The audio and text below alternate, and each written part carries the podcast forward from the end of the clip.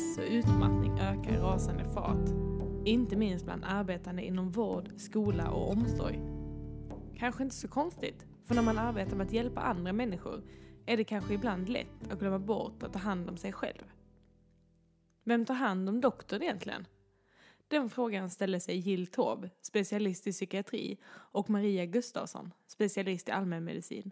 Och de bestämde sig för att anordna en tränings och återhämtningsresa för sina kollegor. Det visade sig att det var många som var i behov av den, för Facebookgruppen som startade för att annonsera om resan växte snabbt i rasande fart. Och glad är jag att jag fick hänga med på ett hörn. Och kanske var det meningen, eftersom det visade sig att vi utgör trion yogadoktorn, träningsdoktorn och dansdoktorn. Så nu är vi på Rhodos, fem dagar in på resan och jag är glad att Jill och Maria vill vara med och berätta lite mer om hur allt började, hur det funkar att arbeta holistiskt och preventivt som läkare och hur doktorerna mår egentligen.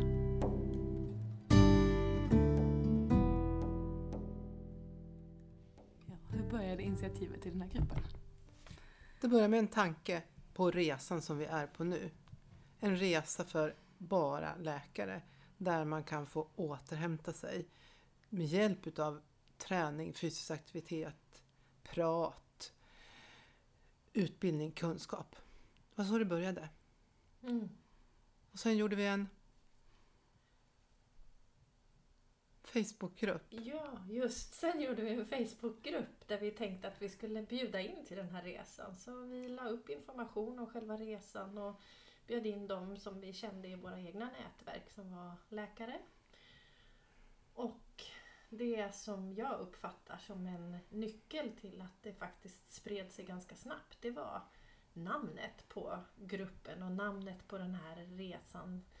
Temat Vem tar hand om doktorn? Det fanns en längtan efter att få fundera kring den frågan. Många som kände att de inte riktigt eh, hade någon som tog hand om sig, men som tog hand om andra hela tiden.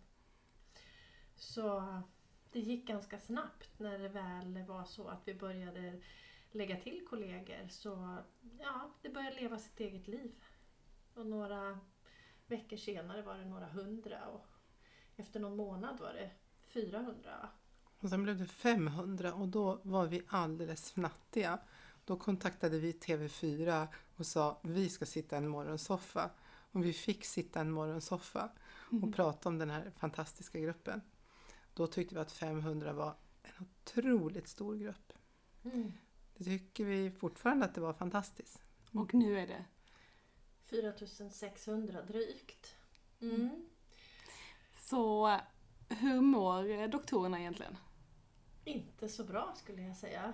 Många som eh, skriver och berättar om hur tufft det är. Och vi själva har ju också varit i vården och uppfattar, vi såg, vi hade ju sett redan innan vi startade gruppen att det var många som mådde dåligt. Det var skruttigt på många sätt. Alldeles för lite tid att eh, ta hand om patienterna. En etisk stress i att jobba på sätt som man kanske inte hade utbildat sig, som man inte hade tänkt när man gick utbildningen. Att man skulle ha så knapert med tid till alla de där stora viktiga frågorna och att det skulle vara annat som tog det utrymmet.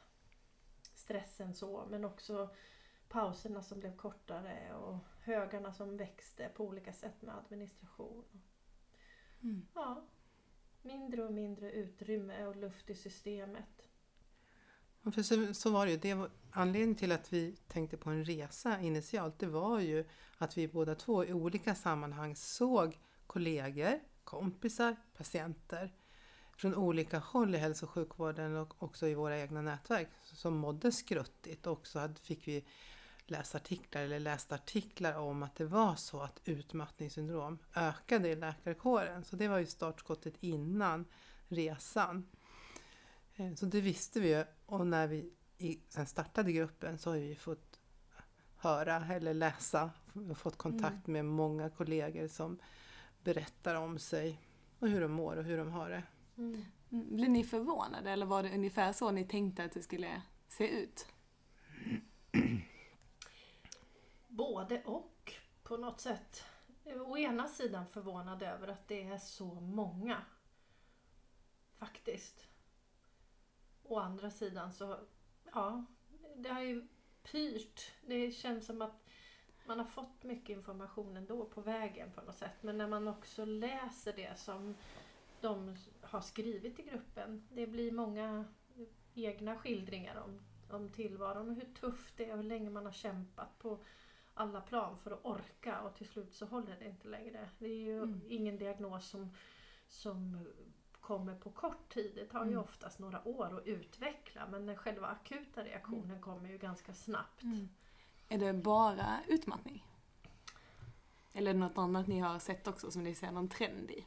Jag skulle säga att gruppen handlar ju mycket om att ta hand om sig oavsett om man mår dåligt eller inte. För det är ju på något sätt en mänsklig förutsättning att vi behöver göra det. Titta på hur vi tankar energi, hur vi tar hand om oss.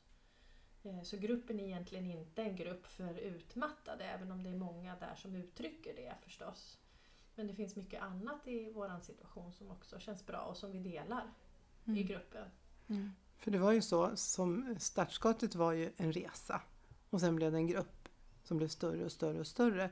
Så vi hade ju ingen agenda eller intention eller förklar, liksom, modell för vad det här skulle vara utan det har ju vuxit av en egen kraft och allt det vi gör nu, det har vi lagt till, vi har policydiskussioner, det händer saker hela tiden. Så att det är inte så att vi startade en förening med stadgar och styrelse och tänkte att så här ska vi göra för att. Utan det här var ett så otroligt fantastiskt roligt och förvånande sätt att vara med och skapa någonting. Mm. Så Det var som det skapade sig själv på ett vis. Mm. I, i, I och med att det var så många som var med och bidrog på olika vis i inlägg och stöttade varandra och kom med tips och idéer. Och det blev verkligen en, en, Mm. ett hjul som snurrade av sig självt och samtidigt kände vi att, att vi också ville vara med och peta in det här salutogena perspektivet. För det är ju lätt när man. Mm. kämpar att det blir mycket fokus på det som inte fungerar och hur Mm. kan vi vända på det? Det, Mm. var, det var ju våran input. Jag tycker att ni förklarar det här ordet salutogenes så himla bra. Kan inte, kan inte du förklara det Jill? Mm. Eh, traditionellt i hälso och sjukvården så jobbar vi med patogenesen och det är ju det som de symptom man har eller en har när man kommer till hälso och sjukvården, det som inte fungerar, det som är en funktionsnedsättning. Och det kommer vi med, vi människor, därför att vi vill ha hjälp med det. Det är också så vi utbildade, man kan säga den medicinskt traditionella utbildningen ser ut så att vi tittar på de symptomen och så lägger vi till någonting som stöttar eller tar bort symptomet och sjukdomen. Det är det patogena sättet att se på en människa. Ett, ett salutogent sätt det är att lägga till friska saker istället för att försöka reducera de som inte fungerar. Det finns ingen som helst motsättning i det, men det är ett helt annat synsätt. Att lägga till friska saker, att, saker, att stärka det man har. För att bli av med det som är dåligt, svårt och inte fungerar. Eller för att stå ut med det som är dåligt och svårt och inte fungerar. Mm. mm. Ni har ju båda två, ni är ju läkare båda två och specialister, men ni har båda två jobbat med det här ganska mycket på olika sätt. Eh, kan inte ni berätta om er karriär? Och vad ni gör, och vad ni jobbar med? Ja, jag kan börja. Mm. Eh, jag brukar ju lite på skoj men ganska mycket på allvar säga att mitt första och viktigaste jobb är som träningsinstruktör som jag har hållit på med i 30 års tid. Och det har ju på något sätt blivit en sån viktig sak för mig för jag känner att jag mår så bra av träning. Träning på egentligen alla möjliga sätt men eh, som gympainstruktör. Eh, om man ska sammanfatta det på något enkelt vis. Eh, och i och med det så har också intresset för levnadsvanor vuxit successivt eh, genom alla år som läkare. Från början så var det inte så tydligt eh, samband mellan träning och friskvård och sjukvården som jag uppfattar att det har blivit på senare år. Eh, nu har vi ju sedan tio år tillbaka drygt kunnat skriva fysisk aktivitet på recept. Och då kan man erbjuda det som en behandling till patienter. Det kommer upp på bordet på ett annat sätt. Jag skulle bara... eh, Ja, jag har jobbat med levnadsvanor på olika sätt med patienterna men också i, i en processgrupp i Stockholms läns landsting och tittat på hur man ska nå ut med riktlinjer för att jobba med det som helhet. Så att. Att, att titta över hur ska vi få ut det här till andra kollegor. Det är inte alla som har den bakgrund som jag har och behöver kanske få lite stöttning på vägen. Eh, ja, Mm. och sen har jag knoppat av för några år sedan och börjat jobba vid sidan av med ett eget företag där jag jobbar mycket med de frågorna just och tittar mera på hur man kan ta hand om sig och sen fortsätter jag jobba också som doktor och ta hand om det, det som inte är det friska utan det sjuka och jobba med det. Stärka det friska och ta hand om det som är sjukt. Mm. Men innan Jill får ordet så tänkte jag också att jag skulle passa på att säga det här med just eh, att titta på det som fungerar. Det har ju också blivit svårare med patienten eftersom en hel del av tiden, åtminstone som distriktsläkare som jag nu har varit specialist i allmänmedicin sedan 2011, det är ju att det blir mer och mer tid som behövs till att skriva intyg till Försäkringskassan. Prata med patienten om de här intygen och försöka få ner på ett papper vad det är som inte fungerar. Vilket också blir en extremt destruktiv hållning på något sätt gentemot patienten. Att de ska försöka rabbla upp det som inte fungerar och att man Mm. lägger jättestarkt fokus på det. Ja. Det är Och när man- väldigt tungt. Ja, och när man läser mycket av inläggen i gruppen och så, så känns det mycket frustration över att det inte finns någon tid att jobba med just det här. Ah, Eh, och varför tror ni att det är så? När det gäller Försäkringskassan menar du? Ja, Eller- och ja, eller- riktlinjer och, ö- överlag liksom. Ja, det blir, vet inte riktigt vilken ände att börja i. När det gäller Försäkringskassan eh, så är det en jättestor frustration i hela läkarkåren om det var det du menade Ja. Elin. Men det är mycket Nej. administration överhuvudtaget och varför Ja. ges det inte mer tid att jobba preventivt till exempel? Mm. Eller jobba mer med levnadsvanor och eh, fysisk aktivitet och salutogenes? Det är ju en krock. Vi var inne på det lite grann innan vi startade. För det är ju faktiskt så att det pågår väldigt mycket som också är salutogent och levnadsvanearbete. Ska jag, ska jag kan flika, jag kan presentera mig själv kort lite grann så kommer Mm. en del av det med och så kan hjälpa Mm. oss att komma ihåg så fortsätter vi Mm. ungefär härifrån. Ehm, jag, jag, brukar, jag har försökt hitta ett sätt att presentera mig kort och då säger jag att jag är en folkhälsopsykiatriker. Det finns ingenting som heter det men jag hittar på det i alla fall. Eh, och där, därför att jag har haft förmånen att som psykiatriker jobba med mång- frågor, med många frågor eh, på olika sätt, olika projekt och så vidare. Som nästan alla har ett salutogent perspektiv. Jag är skitlycklig över det, att det har blivit så. Jag har jobbat med fysisk aktivitet på recept på en övergripande nivå och varit med och implementerat det och med riktlinjer också på en övergripande nivå implementerat och utbildat. Så det finns ju ett starkt stöd ifrån hälso och sjukvården, Socialstyrelsen, politiker, vad ni vill, där, där vi faktiskt ska jobba på det här sättet. Eh, Men sen så krockar det med verkligheten Mm. på något Mm. vänster, eller inte på något, på ett tydligt vänster krockar Mm. med verkligheten. Det Mm. blir inte lätt att genomföra de här intentionerna även om man vet att det är en bra sak och så för patienternas räkning. Därför att man hinner inte. Mm.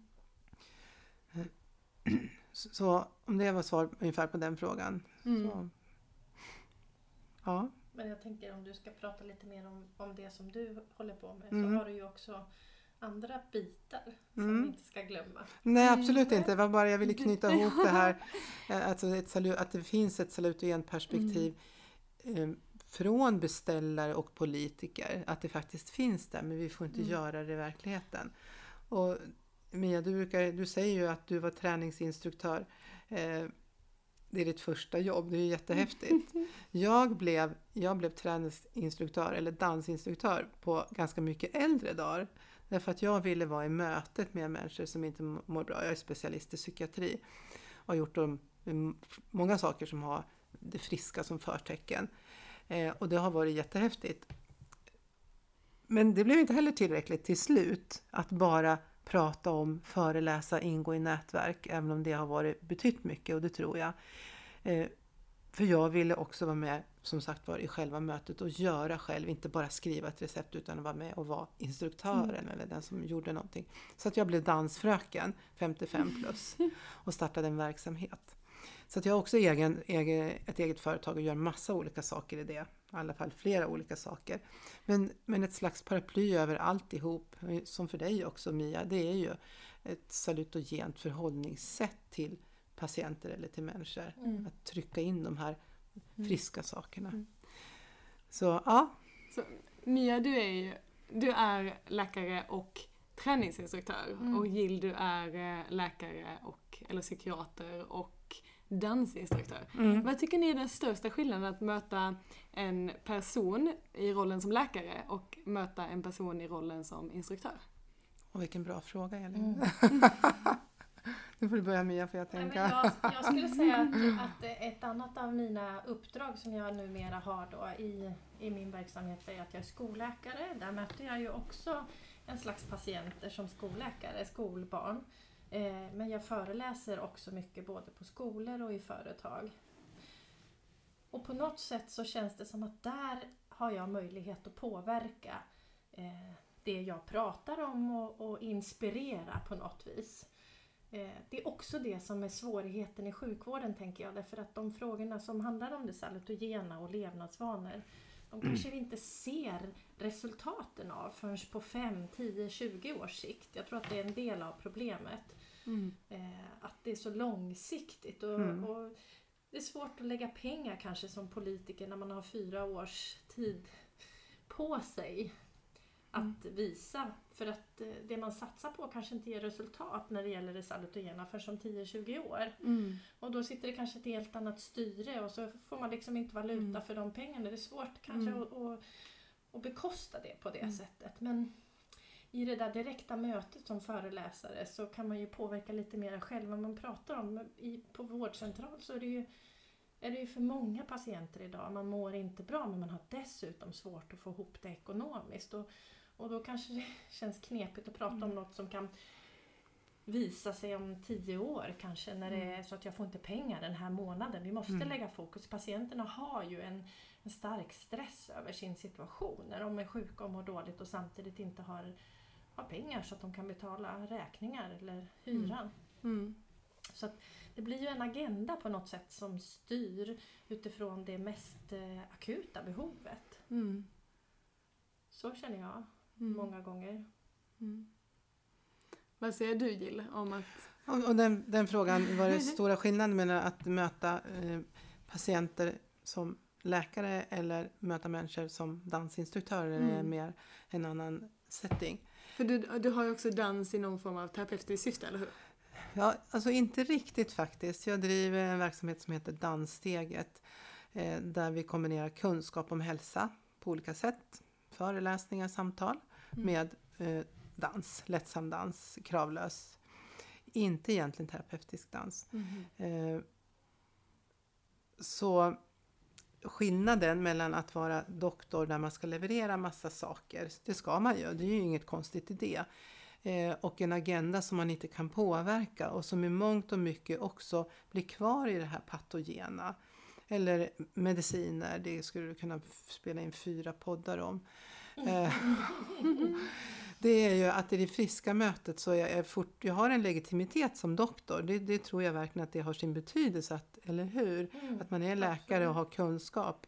Och att en del blir förvånade över det också. Det blir en positiv förvåning. Eh, men jag står för det friska. Jag ser att man blir glad av att dansa och jag får små förtroenden. Men jag får inte belastande frågor. Jag kan få frågor om jag kan hjälpa någon till en kontakt och jag får frågor om jag jobbar privat. Men det är väldigt lätt att avgränsa och i den här rollen stå för det som, som är positivt där och då. Mer kan man inte lova. Och förstås är det så att alla gillar inte den typen utav verksamhet men ganska många gör det och många har blivit kvar. Och senast idag så fick jag ett uppdrag för en bröstcancerförening Mm. som jag haft förut som Mm. vill fortsätta och det är liksom Ja, Mm. det, det värmer jättemycket. Så ja, det är stor skillnad. Jag, eh, jag önskar ju förstås att man kunde ge ännu mer utav det här friska i det vanliga mötet också. Mm. Men det är stor skillnad. Det, det, och det är ju jag som bestämmer vad som ska ingå i det mötet. I Mm. ett annat fall så är det landstinget och en uppdragsgivare. Mm. Men det har vi ju också, kan man säga, hittat litet eget knep för. Därför att vi har ju pratat väldigt mycket om levnadsvanor och, och gjort mycket vid sidan av. Men vi har också plockat in det båda två i patientmötet. Att vi ibland gör en kortare Ja, andningsövning Mm. eller bara ställer oss upp och pratar istället för att bli stillasittande, både patienten och man själv som läkare. Och vi gör. Eh, Precis. För Ja. att också ta in det perspektivet att man behöver inte köpa ett gymkort, det behöver inte bli en jättestor, ett jättestort kliv som man ska ta utan börja här och nu och i liten skala att det göra det lite lättillgängligare. Mm. Mm. Tror ni att det också kan vara patienterna som ställer orimliga krav på läkaren ibland? Att man vill ha den där quick fixen? Att det i dagens samhälle är vi så vana vid att få allting snabbt och serverat och enkelt. Det är klart, det finns sådana patienter också som inte eh, orkar se över sin livssituation där och då. Som kanske tänker att det, det kanske finns någon tablett eller så som kan hjälpa mig att bara få må bra. Men jag skulle säga att om, om man får utrymme att prata med patienter så, så tycker jag att de ofta är väldigt mottagliga för att se över levnadsvanor, hur det påverkar tillvaron. Jag, jag, jag tycker att det känns som att i de allra flesta fall så är det väldigt lätt. Och är det mera tiden som fattas. Patienterna är egentligen öppna och vill prata om det här. Och blir glada när man tar upp det som ett alternativ till kanske medicinering. Att få träning på recept till exempel. Mm. Mm. Vad säger du Jill? Ja, jag, jag, jag håller med. Eh, Men sen brukar jag också i, i, i den frågeställningen lägga till att vi, är ju, vi har ju också uppfostrat oss som befolkning att göra på det här sättet, ha det här patogena eh, synsättet. Och det, vi ska inte kasta ut barnet med badvattnet. Men vi har också lärt oss, eller det har blivit så att vi konsumerar hälso och sjukvård. Och då kan man glömma, ibland glömma bort hälsa ur det, för det hinner vi inte. Jo, det hinner vi också om vi vill. Eh, så att det är ju inte någon som gör utav illvilja. Det är förstås, vi all, många vill fixa sina liv snabbt och ska ha hjälp så, visst är det så. Och där tror jag väl att vi är lika goda kålsupare också. Vi vill också fixa våra saker så vi kan gå vidare med våra spännande ja. och viktiga liv.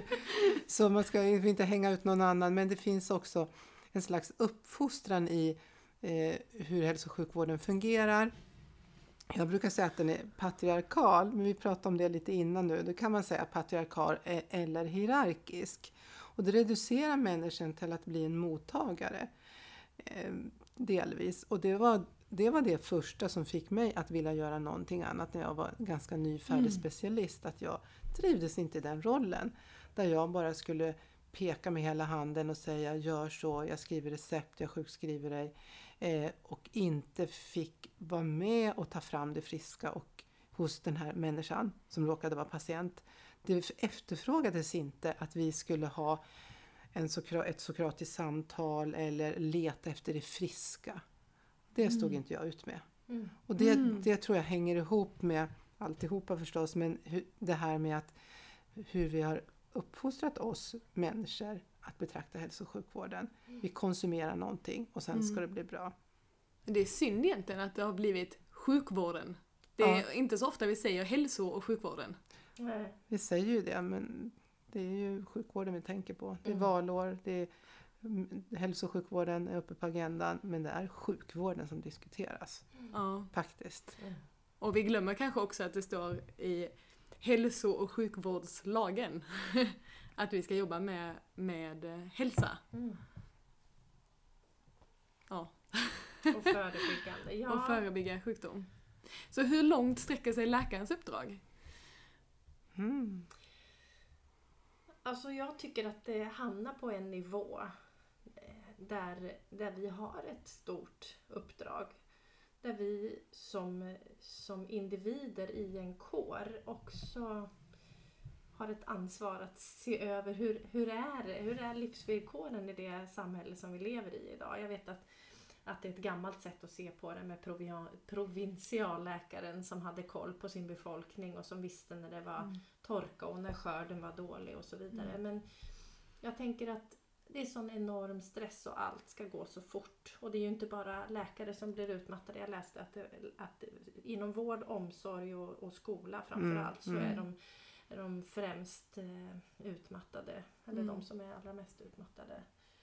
Eh, och på något sätt så tror jag att, att människor förväntar sig lite att om vi har en, en eh, överblick och kan se att det är så här det ser ut så, så tror jag att de också tänker att vi skulle vara med och agera som läkare i det här uppdraget och se samhället snurra för fort, vi måste på något sätt bromsa. Och samtidigt så, så hänger vi också i det där och snurrar Mm. lika fort. Och, Mm. mm. Det känns som att det inte bara är läkarna som är dåliga på att sätta sina gränser för eh, arbetsbelastningen och allting. Det snurrar fort liksom. Mm. Mm. Varför är vi så dåliga på att sätta gränser? Oops. Mm. Va? Vi, vilka är vi i sammanhanget tänker du då? Vi eh, är alla 4600 läkare som är med i Ah. Vem tar hand om doktorn? Jag vet inte om alla 4600 känner att de är dåliga på att sätta gränser. Det tror jag vi kan vara olika bra på i, Mm. i gruppen. Men, men Du tänker som kollektiv? Ja. Ja, fast det är en viktig fråga. Det, som, som, ja, vi, vi, jag, jag skulle säga att det är svårt när man har en människa framför sig med ett akut behov. Jag tänker mig en sjuksköterska som sitter med någon eh, på akutmottagningen och precis har kommit in och mår jättedåligt. Man, ska, man kan inte säga nu, ska, nu måste jag ta min paus här för att den skulle jag ha. Det finns ingen annan som kommer och löser av.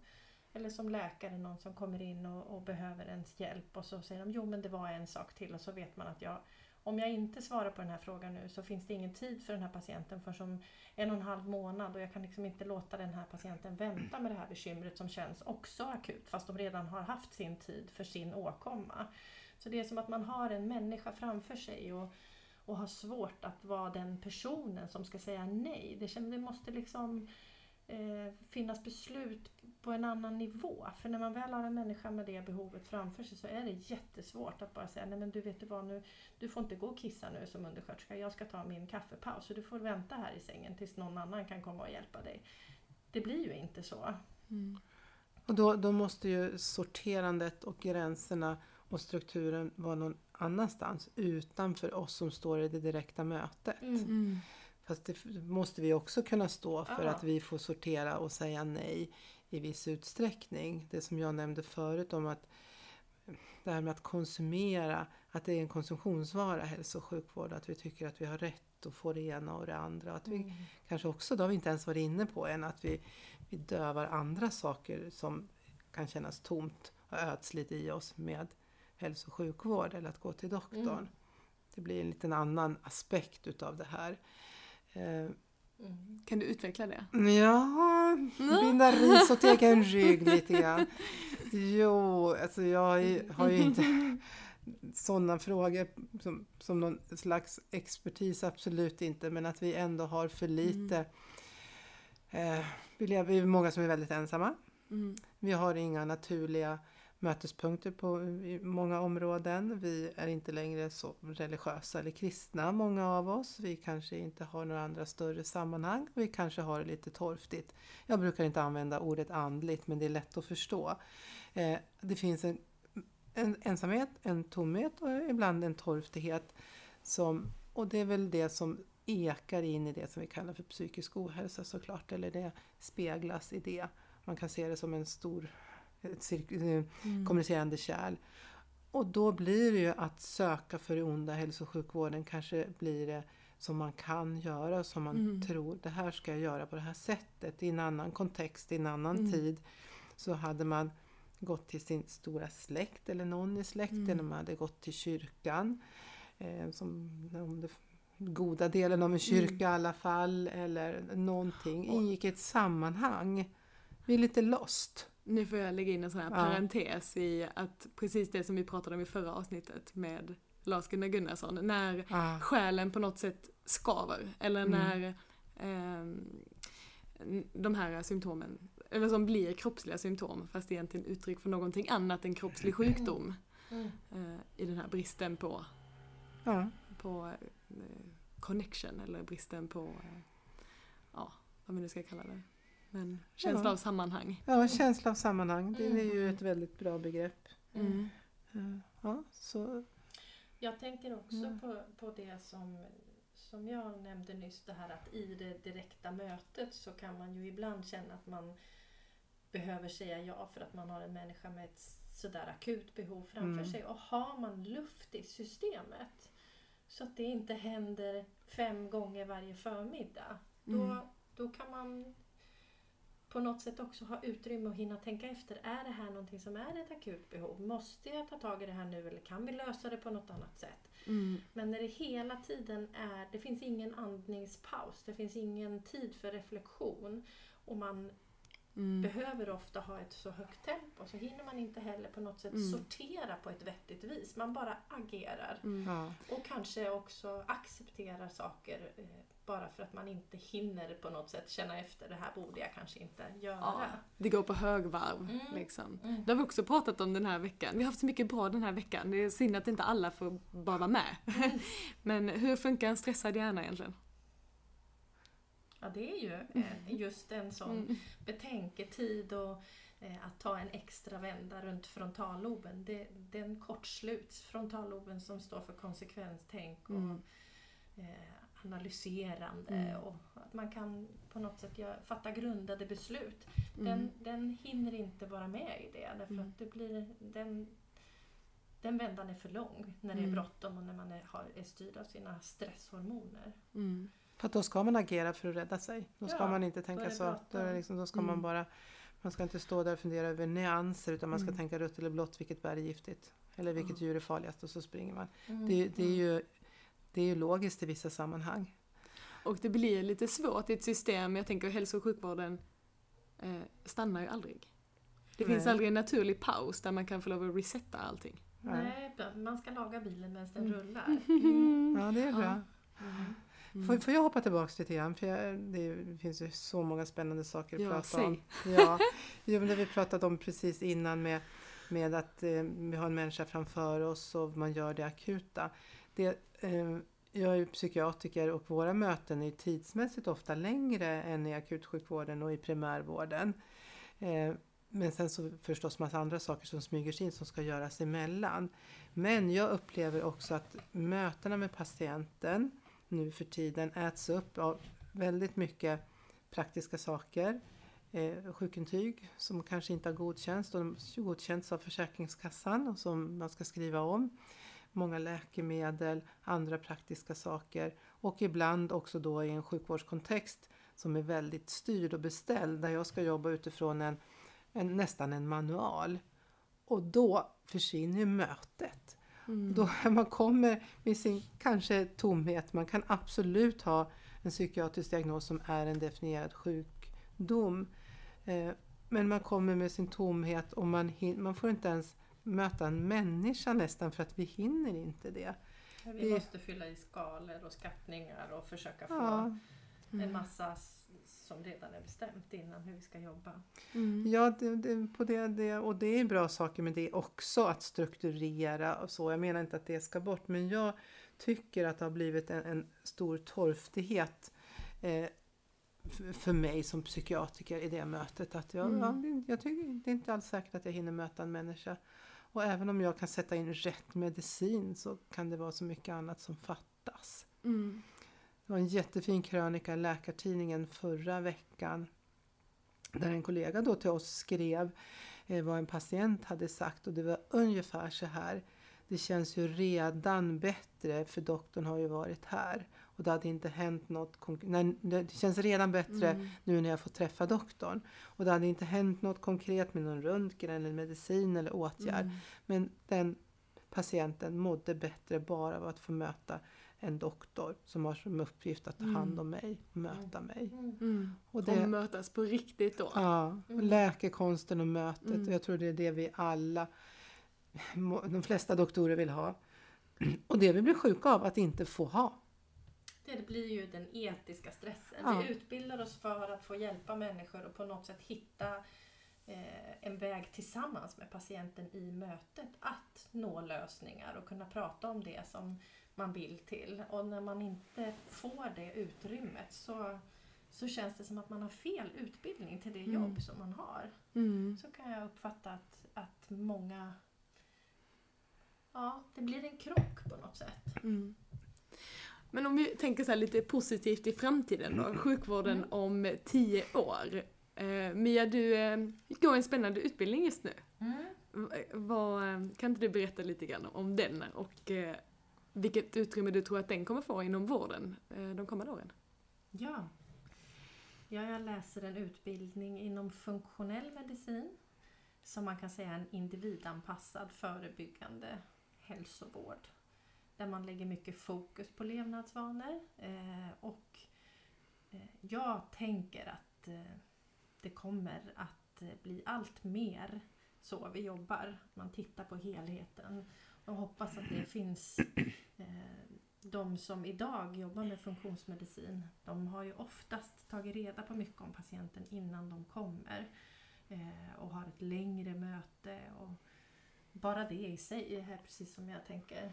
Det är läkande i Det är sig. läkande Mm. i sig, bara att känna, Mm. bara att fundera över sin livssituation, få frågor om hur det är. Man, Mm. man blir ju på något sätt uppmärksam som patient redan på vad, hur saker och ting hänger ihop. Mm. Eh, och jag eh, uppfattar att mycket av hälsotrender har kommit från USA till Sverige. Så som jag har sett det, åtminstone inom träningsdelen. Mm. Eh, har många trender kommit hit till Sverige och där vet jag att det här är ganska stort nu. Mm. Så jag skulle tro att, att det kommer att finnas många fler funktionsmedicinare om ett antal år. Och där kosten också, hoppas jag, kommer in i en större, eh, i en större del Mm. av det som vi gör också på vårdcentralerna. Mm. Jag uppfattar åtminstone min egen utbildning som ganska skral vad det gäller kost. Jag tänker du läkarutbildningen då? Ja, jag Ja. tycker inte att jag har lärt mig speciellt mycket om, om hur, hur jag ska förhålla mig till kost Nej. och patientens... Vi lär oss mycket hur vi ska ta hand om andra. Men Mm. egentligen inte så mycket om hur vi tar hand varken om oss själva eller hur vi främjar hälsa kanske. Eller? Nej, Precis det där som du nej sa. precis. Ja. Jill, vad, vad tänker du då? Hur skulle du, din drömbild av vården se ut om tio år då? Vad skulle du vilja jobba med då?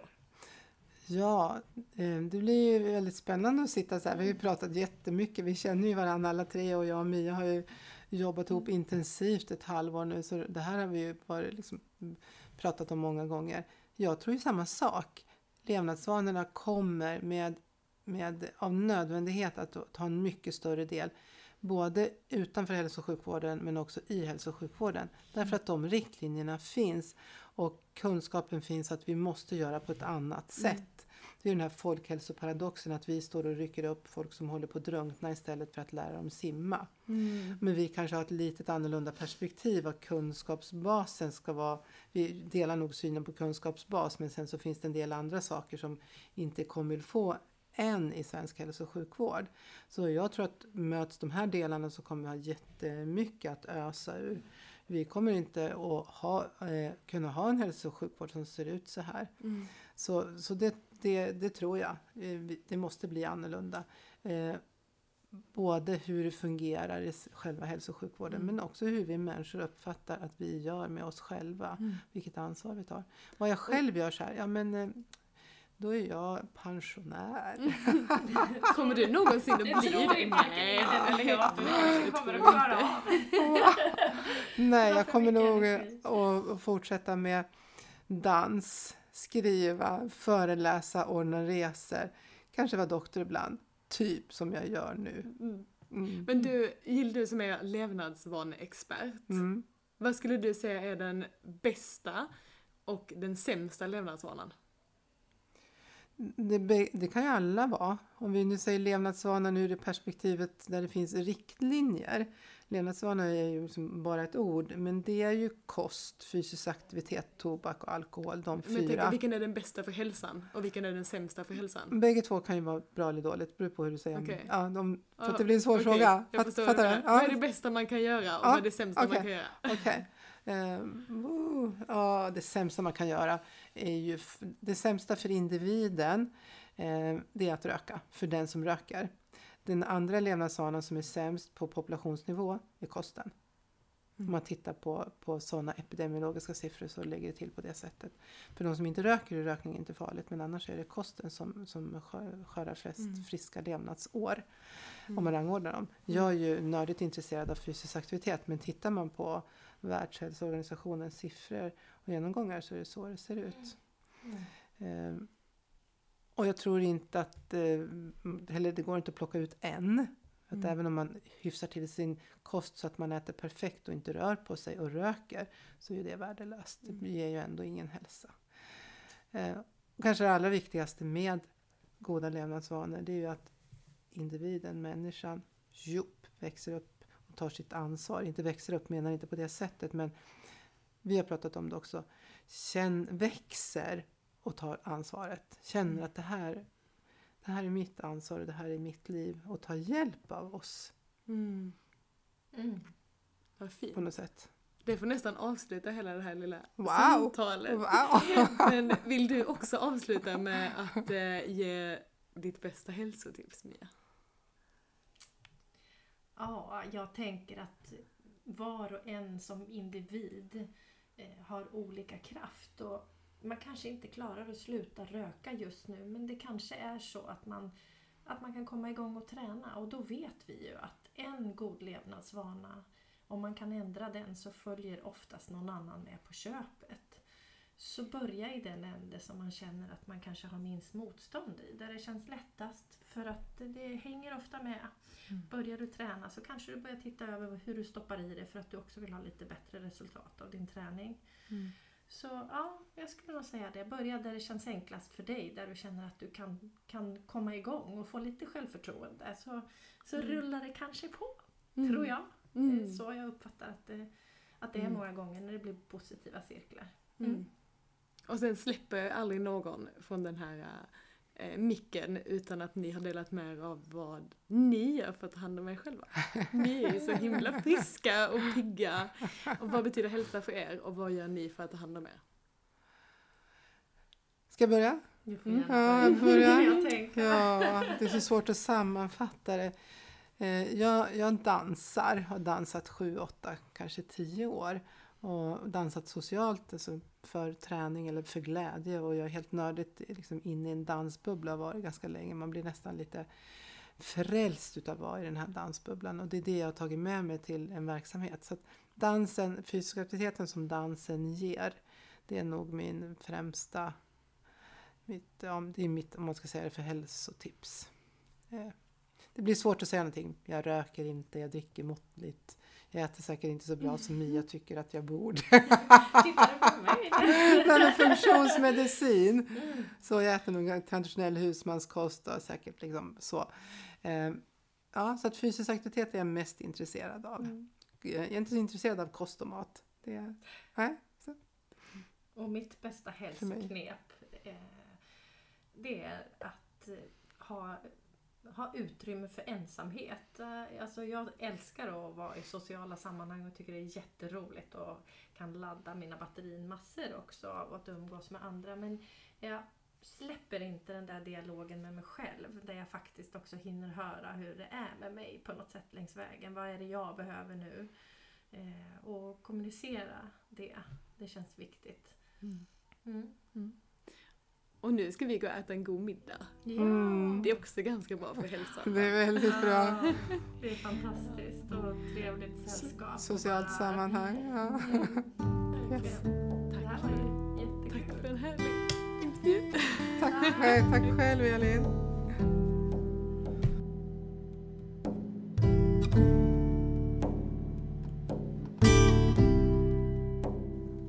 Istället för yoga idag så tänkte jag skicka med er en annan liten övning som vi gjorde i morse som var så himla härlig och som även om man inte är på Rhodos men om man är hemma i en vårfint Sverige så kan det vara trevligt att göra det i alla fall. um, och det är att stänga av din telefon en liten stund och bara gå ut i tystnad. Eh, fem minuter, tio minuter, 20 minuter eller precis så länge som du själv känner för det. Men vi är så dåliga på att bara gå i tystnad. Vi vill alltid ha musik eller lyssna på någonting annat. Så ta tillfället i akt att faktiskt bara gå i tystnad. Och vill du utmana dig själv ännu mer så ring en kompis och ta med en vän och gå tillsammans i tystnad. Det kanske blir en utmaning, känns lite ovant men så himla härligt. Så ha en trevlig promenad.